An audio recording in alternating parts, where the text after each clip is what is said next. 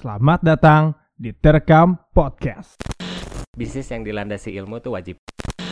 Pengen bikin sepatu lokal tapi ya emang dengan gayanya emang beda sih. Setidaknya kita tidak juara pun jadi bahan pembicaraan gitu. Jadi yang penting brand tuh harus punya karakter itu aja. Kita punya sesuatu yang bagus juga tanpa networking itu susah. Ini mah bukan masalah budget besar atau kecil tapi efektif atau enggak gitu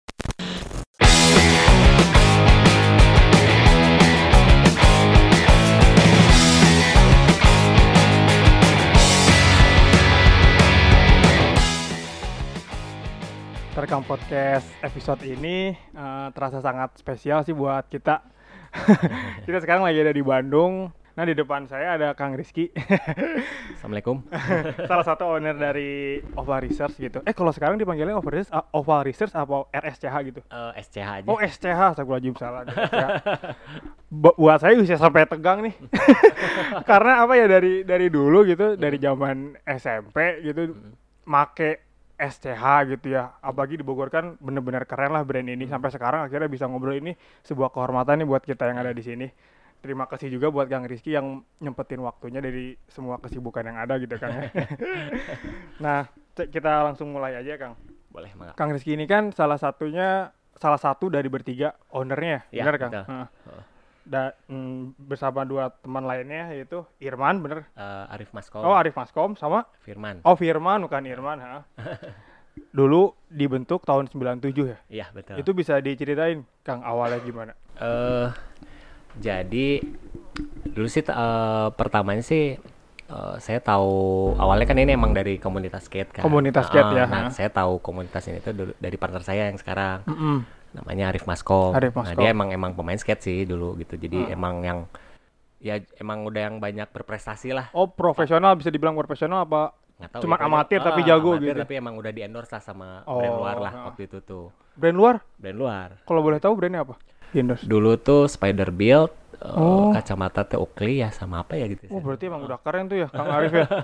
Zaman dulu ya zaman dulu gitu emang apa yang abang udah udah di endorse gitu Mhm. zaman dulu nah saya tuh eh, tahu tahu tahu komunitas itu tuh dari eh, Maskom aja dulu Ah, tuh. dari Ma- Mm-mm. nah dulu tuh kan ada apa sih Eh, dulu tuh ngumpulnya di ini Taman Lalu Lintas tahu nggak di Bandung Taman lalu lintas, uh saya benar-benar kurang lahir. gaul. belum lahir ya? Belum lahir dan Saya kurang gaul. sih Jadi taman lalu lintas itu Iya. tempat tempat apa? Tempat nongkrong anak-anak gaul Iya, Bandung dulu gitu. ada kayak ada apa eh, tempat skate-nya lah di situ. Oh, iya, Taman iya, Lalu iya. Lintas itu tuh. Mhm. Nah, anak-anak itu pada ngumpul di situ Iya. gitu. Jadi kalau zaman dulu emang eh, influence-nya komunitas ini emang dari luar gitu. Mm-mm. Jadi dulu kan maksudnya kan parabola tuh udah mulai masuk tuh di era Oh, 90-an. iya, iya. Parabola udah masuk terus Jadi informasi ya. Ah, ah. Dulu informasinya dari situ. Terus majalah-majalah dari luar juga kan kadang kita suka nitip Iya. ya tentang fashion tentang apa Hmm. pokoknya eh, berhubungan dengan fashion berhubungan dengan skate tuh dari majalah-majalah luar Oh, lah Macam-macam luar. Heeh, jadi anak-anak ini ya juga jadi selain ngomongin masalah ya olahraga Heeh. ya kan banyak maksudnya banyak cerita sih sebenarnya ini di sini Oh. gitu ya masalah percintaan lah Kok percintaan? Jadi gimana kok bisa kok bisa ada ada ada kisah percintaan di balik RSCH gitu? biasa banyak jomblonya kan Oh. ya Ah. gitu masalah ya, apa ya culture lah Ah, culture ya culture, gitu. ah, termasuk ya fashion gitu, Hmm. Nah, gitu, Kang. Heeh. Sampai sekarang bertiga ini masih. Masih masih Berarti untuk untuk pembagian porsinya Mm. Kang Rizky sebagai apa dan Aris sebagai apa bisa di Eh, ini- jadi kalau saya sendiri ini megang divisi marketing Oh, divisi marketing Ah, ya. terus eh, Maskom tuh pegang eh, apa divisi kreatif lah Hmm. produksi dan lain-lain gitu terus kalau eh, Firman itu emang megang eh, keuangan Oh, bagian keuangan. Jadi semua emang Mm-mm. punya porsi masing-masing lah ya. betul Nah, heeh.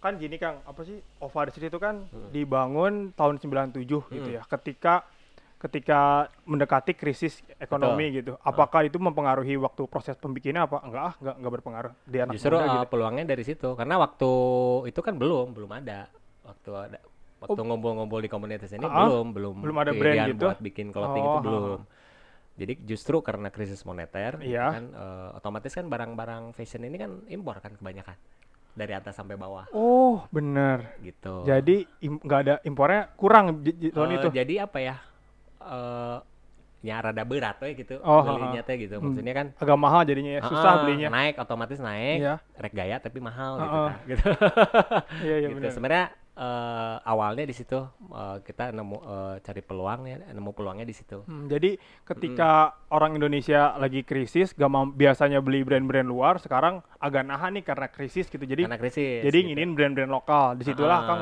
jadi saya saya waktu itu kepikirannya eh, ya sama teman-teman ya udah kita bikin suatu brand suatu Ah, produk iya. yang bisa ngewa- ngewakilin komunitas ini Tadinya Oh gitu. Gitu. Berarti kan di dari situ. angkatan itu oh, brand Bandung awal-awal muncul lah, misalnya tahun 969 atau sampai tahun 2000 awal gitu. Itu sebelumnya emang satu scene apa beda-beda gitu sebelum sama kayak Eh, kalau untuk beberapa emang dari satu scene sih eh, misalnya kayak apa? dari eh, skate gitu Ah. ada yang dari musik apa segala Oh. macam gitu. Kalau Fariser sendiri atau RS SCH sendiri lebih ke skate ya, Kang? awalnya ke skate ya karena Ah, tadi skate. teman akang yang tadi. Ah. Kalau Kang Ki sendiri dulu aktif di apa dunia apa? mah namanya mah Nongkrong aja gitu ya? aja saya main skate soalnya. Tapi kalau misalnya kita boleh bilang referensi dari dari SCH sendiri pada saat itu apa? Atau brand-brand lain yang menginspirasi, oh, kayaknya kita pengen kayak gini konsepnya atau apa? Oh, yang brand-brand skate ya brand-brand surfing gitu Ah, dari situ sih kayak surfing. Contohnya misalnya kayak apa nama brandnya? Hmm, banyak ya dulu ya apa ya Lupa Pokoknya sampai ya, lupa. oh, lupa gitu. maksudnya kan banyak banget tuh ya, dari situ sih gitu kan Hmm. gayanya tuh ya street streetwear lah gitu Heeh, streetwear lah Oval kan memiliki arti ini ya, originality for understanding fiction and artificial language gitu. Sedangkan research kayak inovasi gitu ya. Heeh. Uh, inovasi apa sih sebenarnya yang dilakukan Oval pada saat itu sampai punya nama Oval Research gitu? Hmm. jadi gini eh, background dulu penciptaan Ah, kenapa namanya. namanya oval Ah, ah. Ya jujur aja kita mana kuliahan nggak ngerti Mm-mm. tentang branding jadi nama oval tuh keluar karena awalnya ya oh nu gampang weh tidak Oval. ada arti apa apa awalnya gitu. Oh gitu. apa eh, kita Mhm. awalnya sih seperti itu karena ya ya kita mah anak kuliahan nggak Ah. ngerti marketing nggak ngerti manajemen boro-boro bisnis gitu Udah kumaha gitu nyen brand alus teh gitu seringan dian waktu jadi itu semua terbentuk kita belajar brand itu seperti apa akhirnya Hmm. Iya. ya tadilah arti-arti itu Oh, tuh keluar gitu keluar di kayak eh, dibentuk gitu ya. Eh, dibentuk gitu Pas waktu awal 97 itu emang langsung gede apa Akang awal ngejualnya tuh gimana dulu sih sebenarnya gitu? ya? door to door aja jadi eh, ke komunitas yang kecil Heeh. ya nawar-nawarin dulu juga kita kan modal paling cuma 200 ribuan ya itu teh patungan dulu teh 200 ribuan Eh, 200 ribuan gitu bisa sampai sekarang asetnya segede ini. Alhamdulillah Aduh. Maksudnya dikasih kemudahan lah itu Mhm. sama Allah gitu Oh, cuma dari door to door aja. Jadi komunitas lah yang dari ah, door komunitas. to door aja dua Ah. dedet lah Oh. gitu. saya kenal kang Rizky. Ah. meli lah meli Hmm. ya meli melinya Oh, ting karunya gitu. ting kumaha. tapi ya seperti itulah Bagus pemasaran. kali bukan karunya. oh, gitu. Kalau yang yang nganjuk-nganjuk ada yang ngutang-ngutang. itu kalau dulu mah udah kayak kayak maskom itu udah kayak bawa meteran ke mana-mana gitu jadi Bawa- juga Bawa meteran? iya, Ya bawa diukur. baju. Order gitu, pre-order. order bisa order juga Oh. masih kayak gitulah Hmm, berarti jadi gitu. Kalau misalnya boleh tahu kayak buka toko awalnya tahun berapa kayak udah bener buka toko yang gede gitu. Dua- 2000 Tahun 2000 udah di buka sini di sini juga toko di juga Buah Batu ya? di bawah batu eh, Tahun 2000 udah udah gede gitu. 2000 apa 99 saya lupa Ta- sekitar tahun seg- nggak gede mah kan kecil juga Oh, kecil. Tapi dalam waktu 2 tahun udah bisa bikin toko, progresnya sebenarnya bagus gitu Kang sebenarnya. Nah, itu Hmm. waktu apakah mengalir aja dari uang yang dikumpulkan atau ada penambahan modal pinjam ke bank atau apa gitu Ah, sebenarnya? enggak jadi mengalir aja sih Oh, mengalir gitu. aja ah, muter-muter aja gitu Nggak ada kayak investor atau apa gitu ya? nggak ada dulu belum musim ya startup Oh, gitu. venture venture untuk untuk ada ada untuk ada bisa sampai sebesar sekarang gitu ya. Hah? Eh, saya yakin nggak pasti ada halangan rintangannya gitu, Hmm. Kang. Bisa diceritain dulu at- atau emang mulus aja gitu sampai sekarang? enggak Pernah mengalami itu? banyak banyak Hmm, karena misalnya? gini pada pada zaman saya mah kan apa mindset orang tuh kan ya Iya. termasuk termasuk anak-anak muda dulu seumuran saya waktu itu Iya.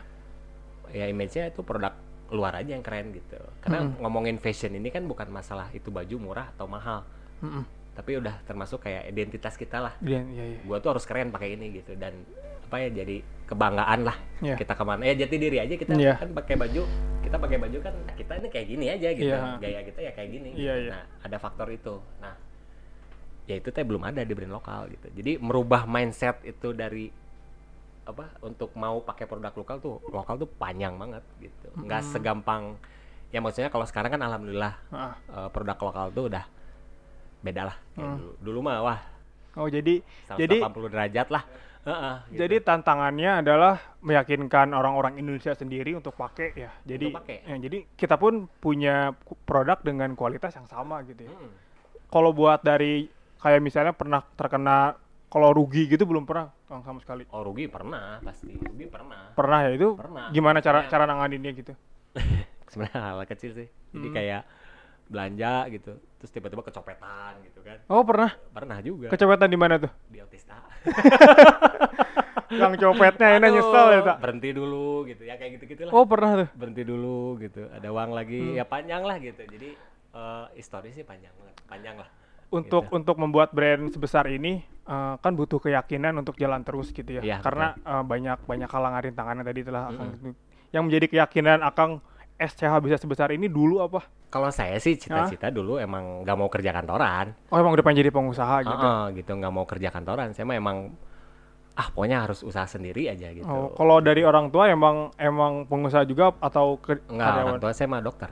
Oh dokter. Dokter maksudnya ya anak-anaknya juga nggak ada yang jadi dokter sih gitu maksudnya. Oh, Nggak tahu ini juga kenapa tiba-tiba jadi pengusaha semua gitu. Saya kan empat bersaudara gitu. eh. Empat-empatnya jadi pedagang gitu. oh masih pedagang. Dengan profesi masing-masing ya gitu. kalau Akang sendiri berarti anak keberapa tuh dari keempat. bungsu. anak terakhir. anak terakhir ya. Apa ada pengaruhnya gitu? Kak, yang pertama kali jadi bisnismen atau pengusaha siapa kakak Kakak dulu? saya yang paling gede. Oh, oh, ya saya jadi- juga banyak belajar dari kakak saya oh, dulu ter- gitu. terpengaruh lah ya Iya, untuk gitu. jadi pengusaha. Karena menurut saya eh, menjadi pengusaha itu bukan suatu hal yang mudah gitu ya. Emang maksudnya kan kamu di era saya gitu. Heeh. Itu teh bukan pilihan yang populer lah Heeh. gitu. Pasti orang ketika lulus teh orang rek gawe di dia euy. Kamu SMA di Vkom ya. Pasti rata-rata pemikirannya di media, media, media, TV apa gitu. Kalau zaman Background background Kang Diki kan eh, Vkom Fakultas Ilmu Komunikasi di Unpad ya, saya, iya. di Unpad. Yang masih atau ketika akan kuliah gitu, ketika dipakai ke bisnis atau apa yang, yang terpakai apa? Eh, Ilmunya gitu. Ada gak? Apa kuliah? Fuck lah nggak usah kuliah nih buat yang dengerin. jangan jangan kuliah tuh Iya. bagus maksudnya kuliah tuh harus lah maksudnya maksud saya tuh gini bisnis yang dilandasi ilmu tuh wajib itu lebih setuju, bagus lah setuju. Harus ada ilmunya cuma tinggal masalah keberanian gitu jangan eh, kan banyak ya teori-teori yang terlalu kita pakem dengan itu gitu jadi ada takut lah gitu Mm.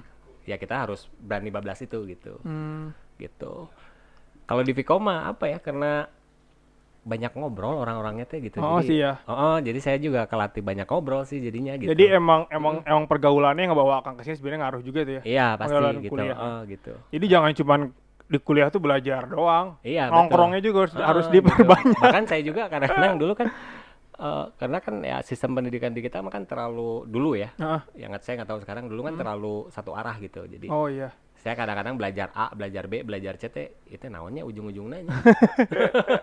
Bener sih emang kadang kayak gitu Iya kan? kepikiran eh. bahkan bahkan baru kerasa teh pas saya bisa oh itu bahulanya udah diomongin gitunya gitu. Heeh. Oh teori teh iya maksudnya gitu gitu.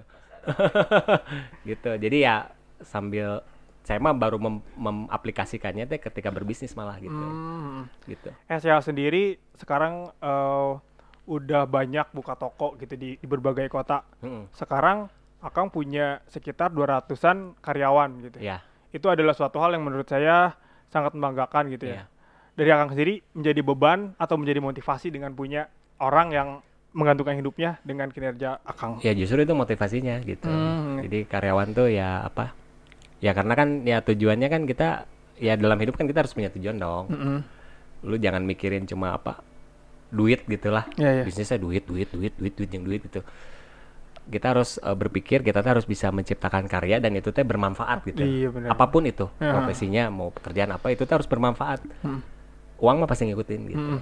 Yang Nah. penting mah bikin produk, bikin apa ngasih pekerjaan tuh se apa ya istilahnya mah semaksimal mungkin lah, Mhm. sedetail mungkin hasilnya maksimal. Hmm. Hasil mah pasti nggak akan nge- ngebodoh lah gitu.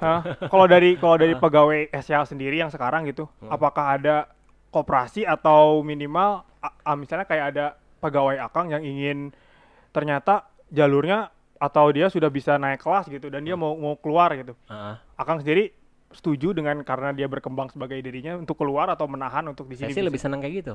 Jadi keluar aja nggak apa-apa. ya. Heeh, daripada maksudnya kerja lagi misalnya di perusahaannya sejenis atau ini gitu. Saya sih lebih senang usaha lagi gitu karena Ada banyak kan contohnya? ada Banyak. Oh, beberapa. banyak. Heeh, beberapa banyak sih kayak gitu. dia pernah kerja terus sekarang udah naik jadi pengusaha atau apa tuh? Jadi pengusaha.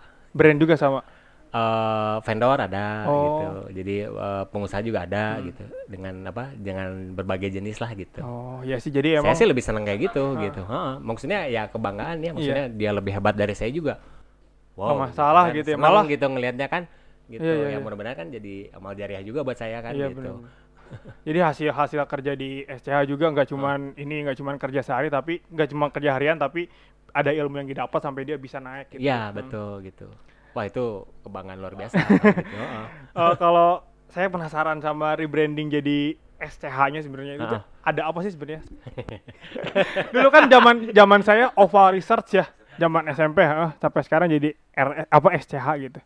Jadi gini kalau saya mah kan mengalir ya semuanya teh. Jadi Ah. kenapa gitu nya nyahayang we gitu. Oh gitu doang, simpel.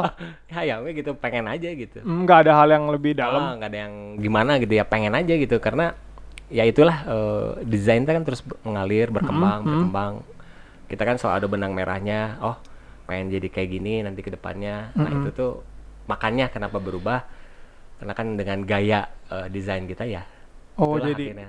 jadi sim, disimplifikasi jadi SCH kali ya. Ah, jadi lebih simpel aja gitu. Oh. lebih Tadi- enak aja gitu Nah tadi kan Akang nyinggung soal tujuan. Mm-mm.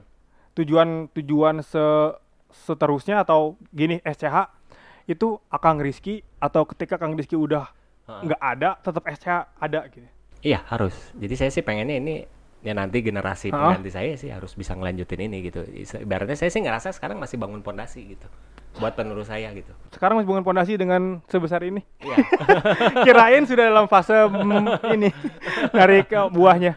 Terus yang disiapkan Akang apa? Anak atau apa gitu yang Iya, disiapkan? anak. Oh udah disiapin nih. Eh, ya sekarang mah masih pada SMP sih. Oh. SMA.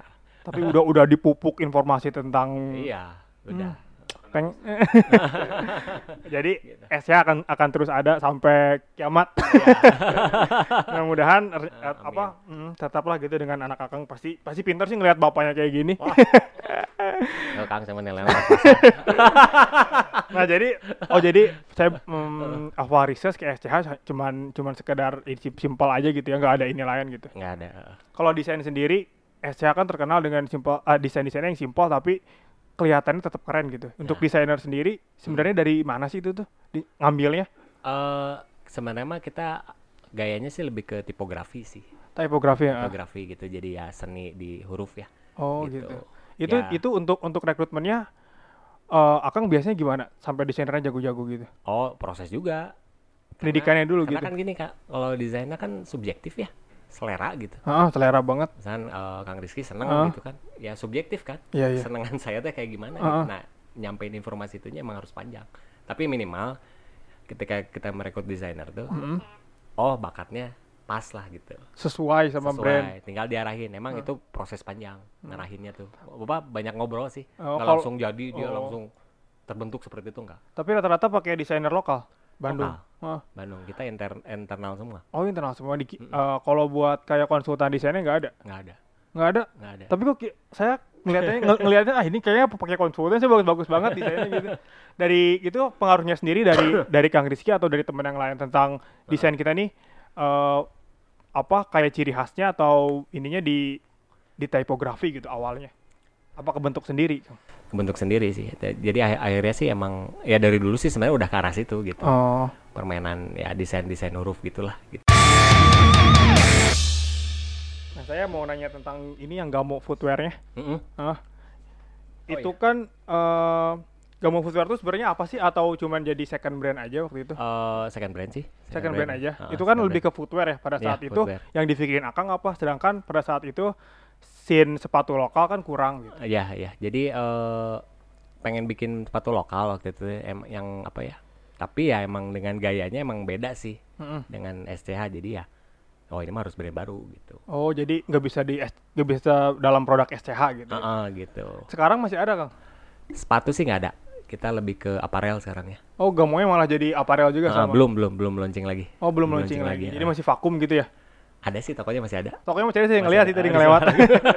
Tapi saya produk belum ngeluarin lagi. Belum, tapi rencana sih mau sih. Oh, mau lagi. oke. ah. Eh Gamo sendiri apa sepatunya kan udah nggak ada gitu ya. Mm-mm. Itu kenapa, Kang? Kenapa nggak dilanjutin aja kan lagi rame? Eh, kenapa ya? Nanti pada saatnya pengen ya pasti bikin gitu Iya sih. jadi jadi mut-mutan ya. Enaknya jadi enaknya jadi pengusaha yang diterima. Tuh gitu kali ya. Mau ya udah, enggak ya udah gitu. Enggak ada enggak usah ada alasan apalah. dipermudah aja Udah aja aduh enak banget sih jadi karena kan uh, gitu bikin karya teh ya Hah? uh, ya saya emang bukan orang desain cuma Hah?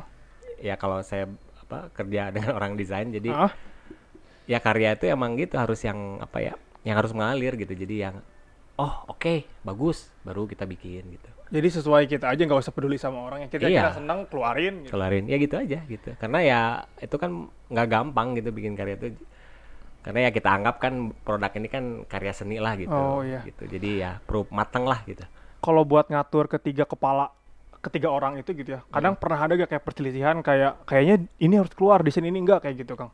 pasti ada sih Pernah gitu? kalau kalau saya mah kan udah ngebagi job jadi ya udah saya perca- percayain aja sama partner saya gitu Oh, kalau desain sendiri lebih ke siapa yang ngarahin, Kang? Eh, mas kom Oh, Maskom jadi desain apa gitu ya. ya gitu jadi semua dari dia semua gitu Kalau desain sendiri itu keluarnya satu bulan sekali atau mut-mutan lagi?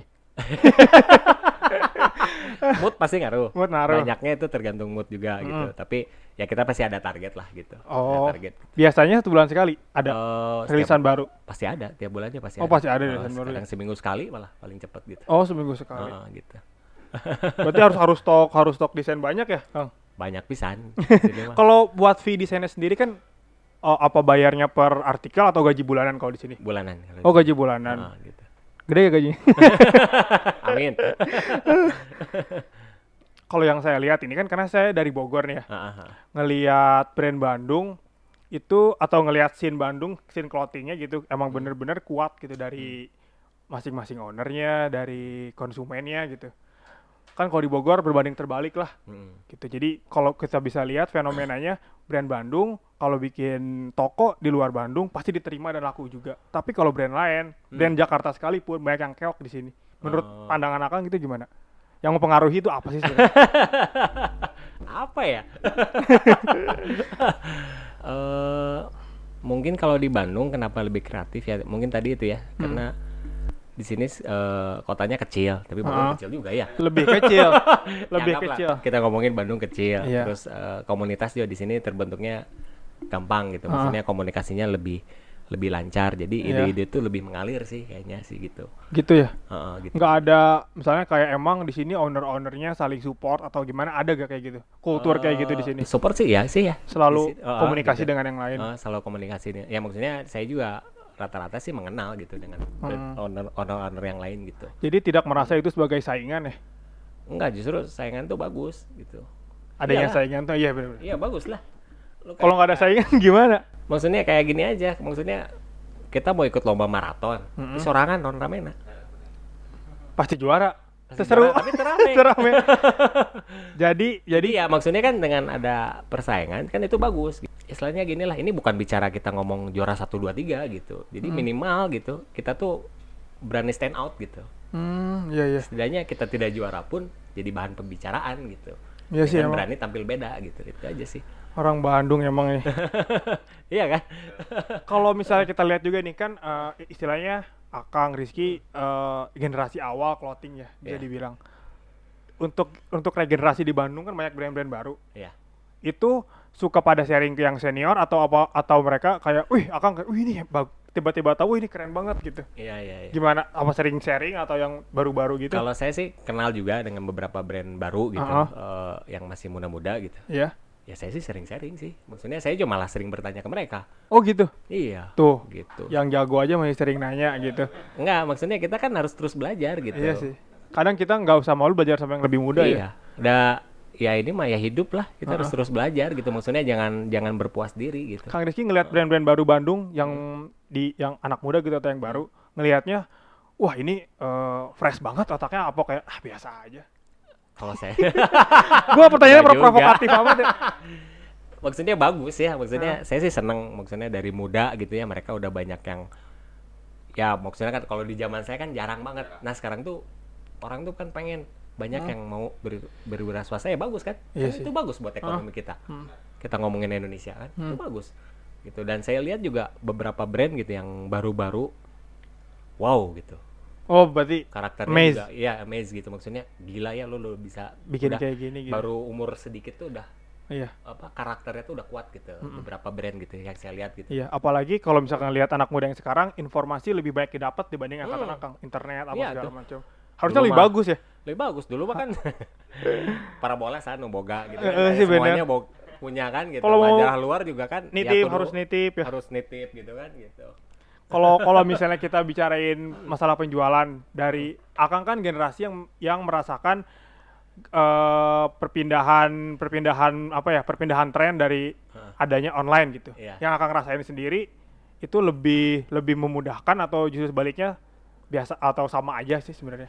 Sebenarnya lebih memudahkan untuk mau yang untuk yang mau mau belajar ya itu aja sih Kalau online ya. Heeh, gitu. Tapi kalau dari SCA sendiri penjualan online dan offline itu lebih banyak mana untuk saat ini?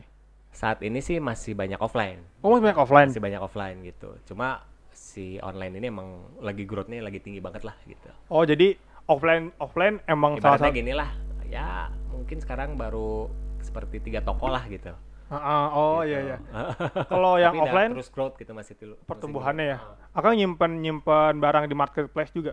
Nyimpan ya Di marketplace terus sama website akang ada juga kan ya? ada Itu juga itu jualan juga. jualan juga Hmm. Oke oke tapi eh, untuk untuk offline store gitu ya. Akang sendiri sekarang udah ada berapa sih Kang? Offline store-nya? Eh, 12 ya Tersebar di seluruh Indonesia tuh. Eh, pokoknya mah di kota eh pokoknya Bandung, Jakarta, eh, ya Bogor ya. Bogor ada. Bogor, Bekasi, eh, apa Malang, Oh, Malang Jogja, Denpasar, Makassar sama Medan. Oh berarti udah ada yang Pulau Jawa ya? Udah udah ada yang di luar Iya, Pulau Jawa gitu. Kalau reseller sih banyak, ada ratusan lah kalau reseller. Oh sana ada Heeh. perusahaan. Berarti kalau untuk pasar yang di luar Jawa ada segmentasinya atau dibedain nggak secara desain atau akang lihat ah ini kayaknya seleranya beda jadi desainnya apa disamain aja semua gitu. sama aja lah. Samain aja ya. Heeh, gitu, samain Penting aja. santai. Nggak usah. Nah, Gitu. mm, untuk penjualan di luar Pulau Jawa sejauh ini yang paling bagus di mana Kang? Jawa ya, Bali. Di Oh Bali tetap Bali ya. Ah, Bali ya. Sekarang sih Bali yang. Karena emang kultur selancarnya juga di sana banyak. Heeh, jadi kalau saya lihat sih di sana lokal lagi lagi Oh, naik ya, gitu. Heeh. Bagus lah kan di sana juga banyak brand luar sebenarnya ya. Iya. Di, di antara itu mereka masih bisa masih bisa ini masih. Nah, sekarang ngomongin di Bogor nih. Heeh. Saya dari Bogor nih jauh-jauh Iya. pengen tahu nih. Berarti baru sekitar satu dua minggu buka di Bogor. Iya. Dua minggu. Walaupun rencana awal rencananya sebelum bulan puasa kan ya. Iya, betul. Kenapa yakin buka di Bogor Kang? eh saya lihat sih eh banyak maksudnya saya ngelihat eh apa yang banyak yang nge-DM ke saya, banyak yang nge-tag ke saya. Oh, orang-orang Bogornya. Eh, gitu. lihat di SCH-nya sendiri di IG-nya banyak juga yang dari Bogor gitu. Hmm. Eh, secara database di data di sosmed kita juga banyak dari Bogor gitu. Ya saya sih yakin aja gitu. Jadi, awalnya sih dari dilihat dari situ sih gitu. Hmm. Kalau Akang ngelihat scene clothing di Bogor, Mm-mm. itu gimana? Eh, saya belum banyak ngeliat sih sebenarnya kalau jujur sih. Hmm, berarti secara nggak langsung apa sih? Enggak juga. Enggak Cuma eh, saya belum merhatiin gitu. Kalau nanti Rizky sama Hmm. sama bisa ceritain sih, nunjukin Oh, sih mungkin ha. saya nanti Ha. bisa apa? Bisa ngebahas lebih lanjut gitu. Saya belum belum merhatiin ke sana soalnya. Em, kalau misalnya Jadi saya kita mah kalau nggak tahu nggak tahu. Oh, jawab. aja. Jangan so tahu Oh, gitu. jangan so tahu gitu. Dari eh, balik lagi gitu saya eh, maksudnya eh, di Bogor kan Akang sendiri nggak nggak terlalu ngeliat. Mm. Ini sebenarnya kalau buat buat saya menjadi salah satu tamparan gitu maksudnya Orang orang-orang yang ngelihat kan belum mempelajari. Ah, enggak kalau buat saya. Oh, Ah, gitu. buat saya ngelihatnya justru ketika banyak pelaku brand besar banyak tidak tahu tentang brand-brand lokal di Bogor, itu sebenarnya ada salah satu kenapa kita bisa kayak gini gitu untuk para pelaku sendiri Atau gitu ya mungkin juga kan karena kan sekarang saya ngelihat kadang dari digital ya. Saya juga kan nggak tahu ini juga. Ya brand mana gitu. iya. Gitu apa Jakarta, apa Bogor, ya Oh, saya nggak iya, tahu iya. gitu. Mungkin makan kalau saya tahu oh ini brand-brand brand-brand ini gitu. Iya. Gitu. Tapi emang kalau misalkan saya sebagai orang Bogor sih ngelihatnya emang kayak gitu Hmm. Kang. Jadi emang di Bogor ini tidak atau belum beberapa mungkin ada yang bisa tembus yang bisa awarenessnya nembus ketik regio, ke tingkat nasional gitu. Heeh. Tapi rata-rata emang cuma bermain di sekitar Bogor aja gitu. Ah, oke. Mungkin dari Kang dari Kang Disi sendiri tips lah gitu ngasih Hmm. ngasih ujangan nih apalagi kan ada si Ridwan nih di sini. Dia supaya jualan bisa jualan di Bandung atau di kota-kota lain. Itu tipsnya gimana sih supaya bisa benar-benar yakin buka aja di luar Jadi Bogor? rootsnya sih yang penting karakternya. Mm-mm. Jadi dasarnya dulu, rootsnya dulu. Iya. Eh, akarnya tuh harus kayak gimana sih gitu. Hmm. Jadi yang penting brand tuh harus punya karakter itu aja. karakter ya? Karakter gitu. Hah. Ah, karakternya aja sih. Kita tuh kayak apa sih brand kita tuh gitu. Mungkin kan itu bahasa visual yang Hah. hanya kita bisa rasakan kita bisa lihat. Nah ya kayak kang-kang aja gitu lihat SCH seperti apa sih? Lihat brand ini seperti apa sih? Yang berkarakter tuh kan gitu. Kalau kalau gini kang kalau akar sendiri apa harus selalu terpaku dengan satu komunitas tertentu gitu? Apa cuma dari segi visual aja yang harus berakar? Misalkan kayak Heeh. kadang yang sering naik tuh atau apa tuh yang yang scene skate misalnya Mm. musik gitu di Mm. samping itu kan mungkin orang-orang nggak terlalu ini ya menurut Akang yang akarnya itu sebenarnya atau karakter itu termasuk dari komunitas apa atau hanya sekedar visual desainnya aja yang bisa dirasakan Oh, yang penting karakternya itu bisa masuk di skin-skin yang yang tadi gitu, yang skin-skin komunitas itu gitu. Hmm, Gitu. Jadi nggak ya itu mah tergantung ya masing-masing Iya. mau kuat di skin apa. Kalau saya sih lebih yang penting anak-anak muda ini dengan karakter saya ya ini masuk gitu semua gitu. hmm, Dengan gaya desain kita ya gitu. ya Gitu. kalau tantangan ya Mm-mm. tantangan sekarang yang yang akan hadapi buat SH sendiri apa Sekarang mah pokoknya kam- ke beberapa tahun ke belakang mah ya itu aja sih peralihan ini. Peralihan dari- saya mah ada old school ya. Oh. saya akui gitu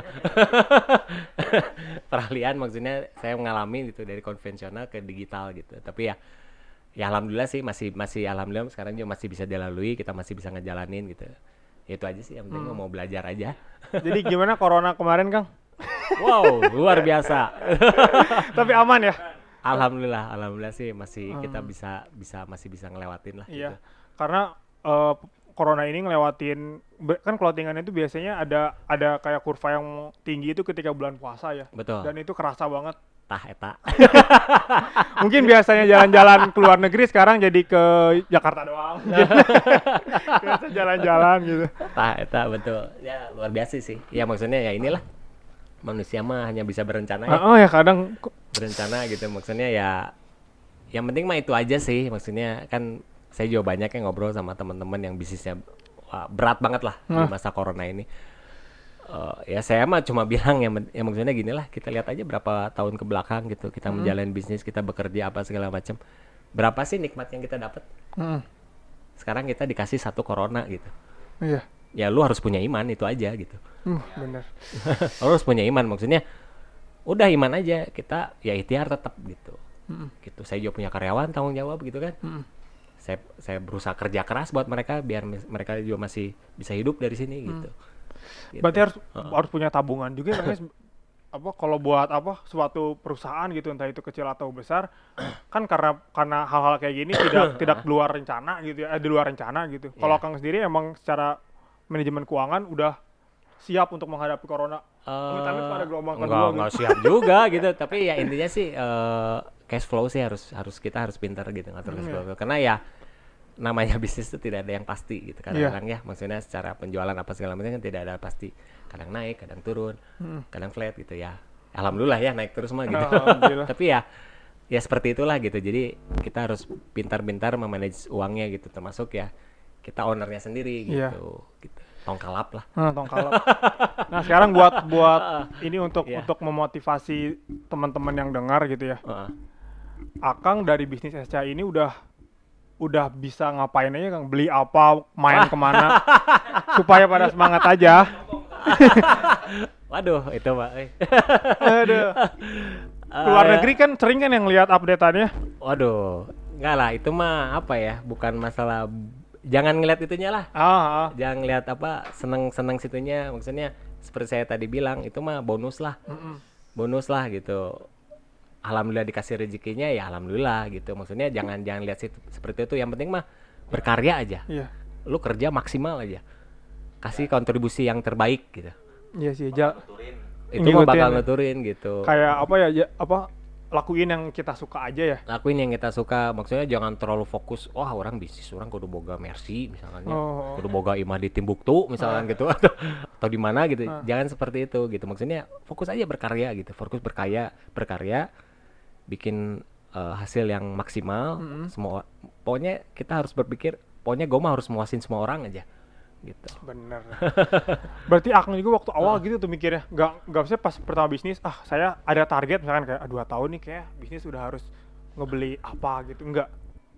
saya mah mengalir sih ya kalau Oh, saya iya. sih jujur saya mah mengalir aja gitu jadi eh, biar nggak jadi beban aja buat saya gitu Gitu emang kelihatan. Setiap setiap pengusaha yang saya tanya yang udah di posisi ini semua rata-rata kayak gitu Kang. Yang terobsesi sama uang rata-rata pada mati di tengah jalan ya Kang. Bener-bener.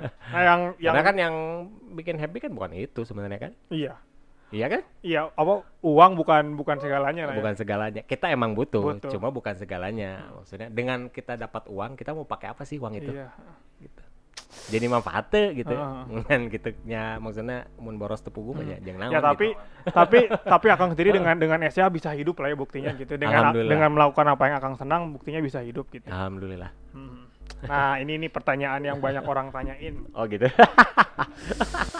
Aduh, tentang kenapa. SCH jarang ikut di clothing expo lain gitu selain Kickfest. Orang-orang pada nanya Kang, justru Oh, gitu? Saya lagi kalau misalkan ke Bo- dari kan saya Bogor nih, kan kalau Bogor ada, ada di tengah bisa ke Bandung, bisa ke Jakarta, bisa ke Kickfest, bisa ke Jaklot gitu. Iya. Ketika Nah, main kayak ya minum lah minum lah. makan apa pun teh botol wawancara apa pun minumnya teh botol ada iklan, ada iklan, ada iklan. eh sponsor ya mah Sebenarnya Kenapa ya? Gini, kalau dulu, dulu saya jujur ketika membangun saya juga banyak ikut event. Mm, Karena saya karena pemasaran waktu itu maksudnya kan dulu mah kan belum ada ya event clothing ini. Saya banyak masuk ke kegiatan kampus-kampus itu dulu gitu. Support di situ, buka booth di situ gitu. Ya kalau saya sih eh, apa ya? eh apa ya jadi bukannya nggak mau ikut event apa-apa ya ya pasti kalau ada apa dipertemukan apa istilahnya mah jodohnya pasti kita ikut gitu tapi kalau kalau sekarang ya karena kan kita dalam planning produksi dalam setahun tuh kita Hmm. selalu mengusahakan ya efektif lah semuanya gitu gitu kirain kalau eh, dalam dalam seujuan saya nih ya, Heeh. dikirain saya tuh emang segmen aja nggak tepat dalam dalam dalam planning atau strategi marketing SCH segmen ini nggak gua gitu. Enggak. Ternyata enggak, ya. enggak enggak enggak Enggak. enggak Apa ini apa ini jawaban klise aja? ya sih kalau kalau misalkan lihat dari Kang Rizky sih kayaknya jawaban emang- ngeles teh. Nah, itu yang benar kayaknya. bercanda Bercanda, bercanda. bercanda. Berarti emang emang emang buat produksi aja nggak nggak masuk lah ya. Iya, maksudnya bukan nggak masuk. Jadi ya, ya maksudnya kita sih eh, sesuai apa kalau emang bisa ya kita masuk gitu. Hmm, Kickfest karena ya ya emang itu event clothing yang salah satu yang kita awal ikut gitu. Hmm, jadi Biasanya. emang Bahkan dari awal Kickfest aja saya pernah loh nggak ikut. Oh pernah? Pernah ya. Kenapa tuh? ke ketuanya. Barang. Oh gitu. Masalah Karena barangnya, barang. Hah? Karena barangnya lagi banyak dibutuhkan di toko. oh jadi nggak nggak perlu online, gitu, ya. nggak usah jadi Bukan nggak usah ya maksudnya karena nggak ada aja gitu. Namun Ya. saeutik kan kumaha oge karunya gitu. Maksudnya ya balik lagi kan saya juga pengen nyenengin yang beli kan Iya. gitu. Pas kali itu barang saya kan karunya. gitu Bener-bener. kan. Kalau misalkan dari ngomongin marketing ya Kang, kan nggak mungkin brand ini bisa segede ini tanpa orang marketing yang bagus atau tanpa strategi marketing yang bagus. Hmm. Kalau collabs dengan artis atau dengan dengan band gitu ya biasanya. Kan yang saya saya riset nih ceritanya riset-riset sederhana nih. Ah, Jadi awal waktu itu pernah kerja sama sama MTV Asia ya.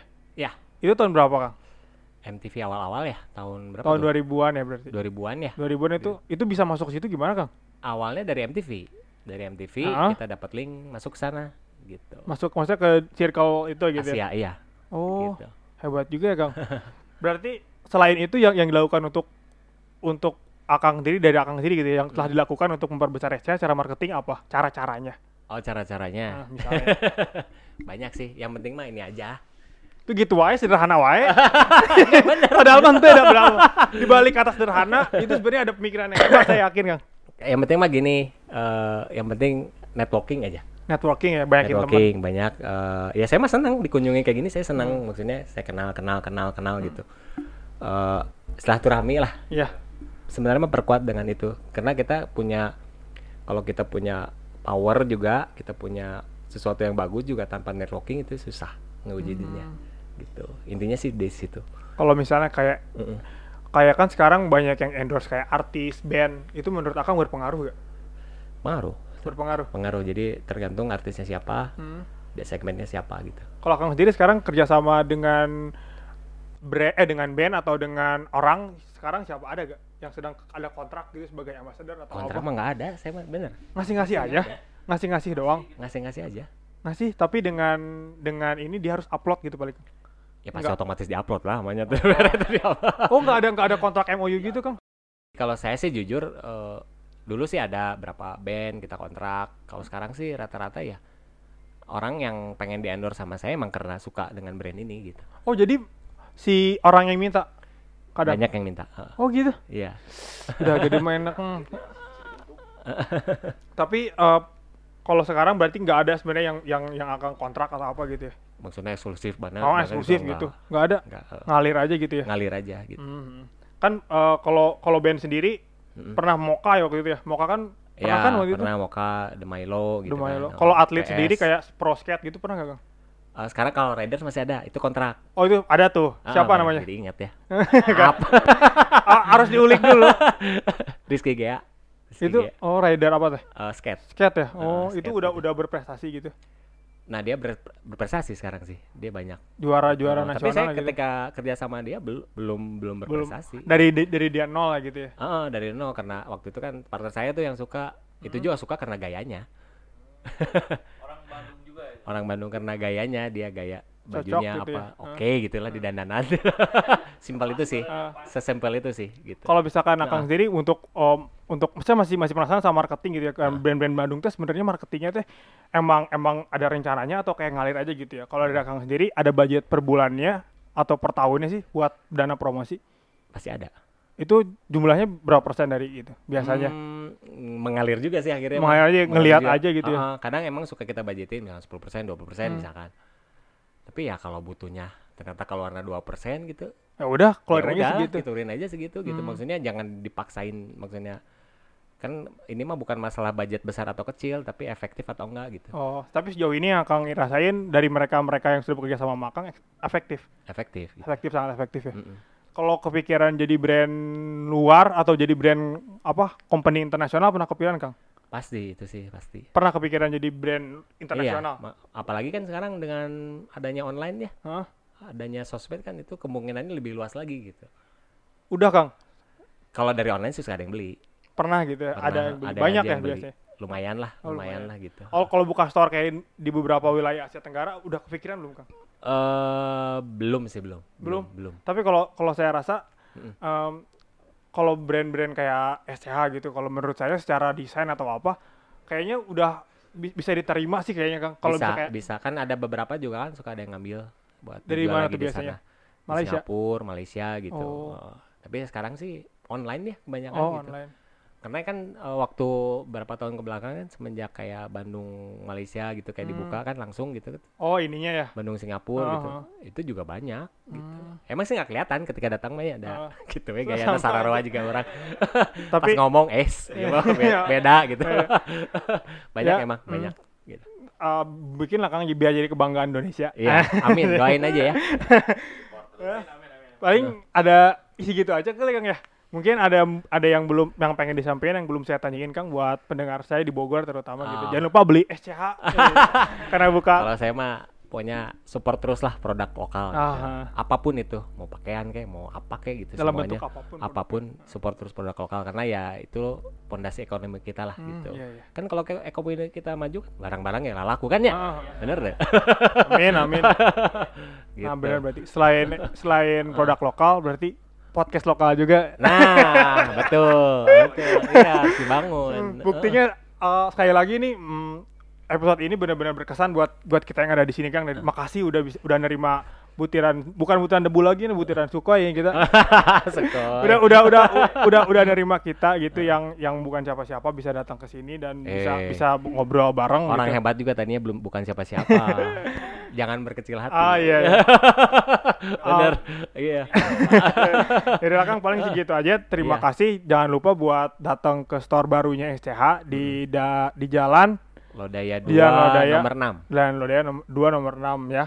Gitu. Dan juga makasih buat para pendengar dan juga buat Kang Rizky. Paling segitu aja. Terima kasih.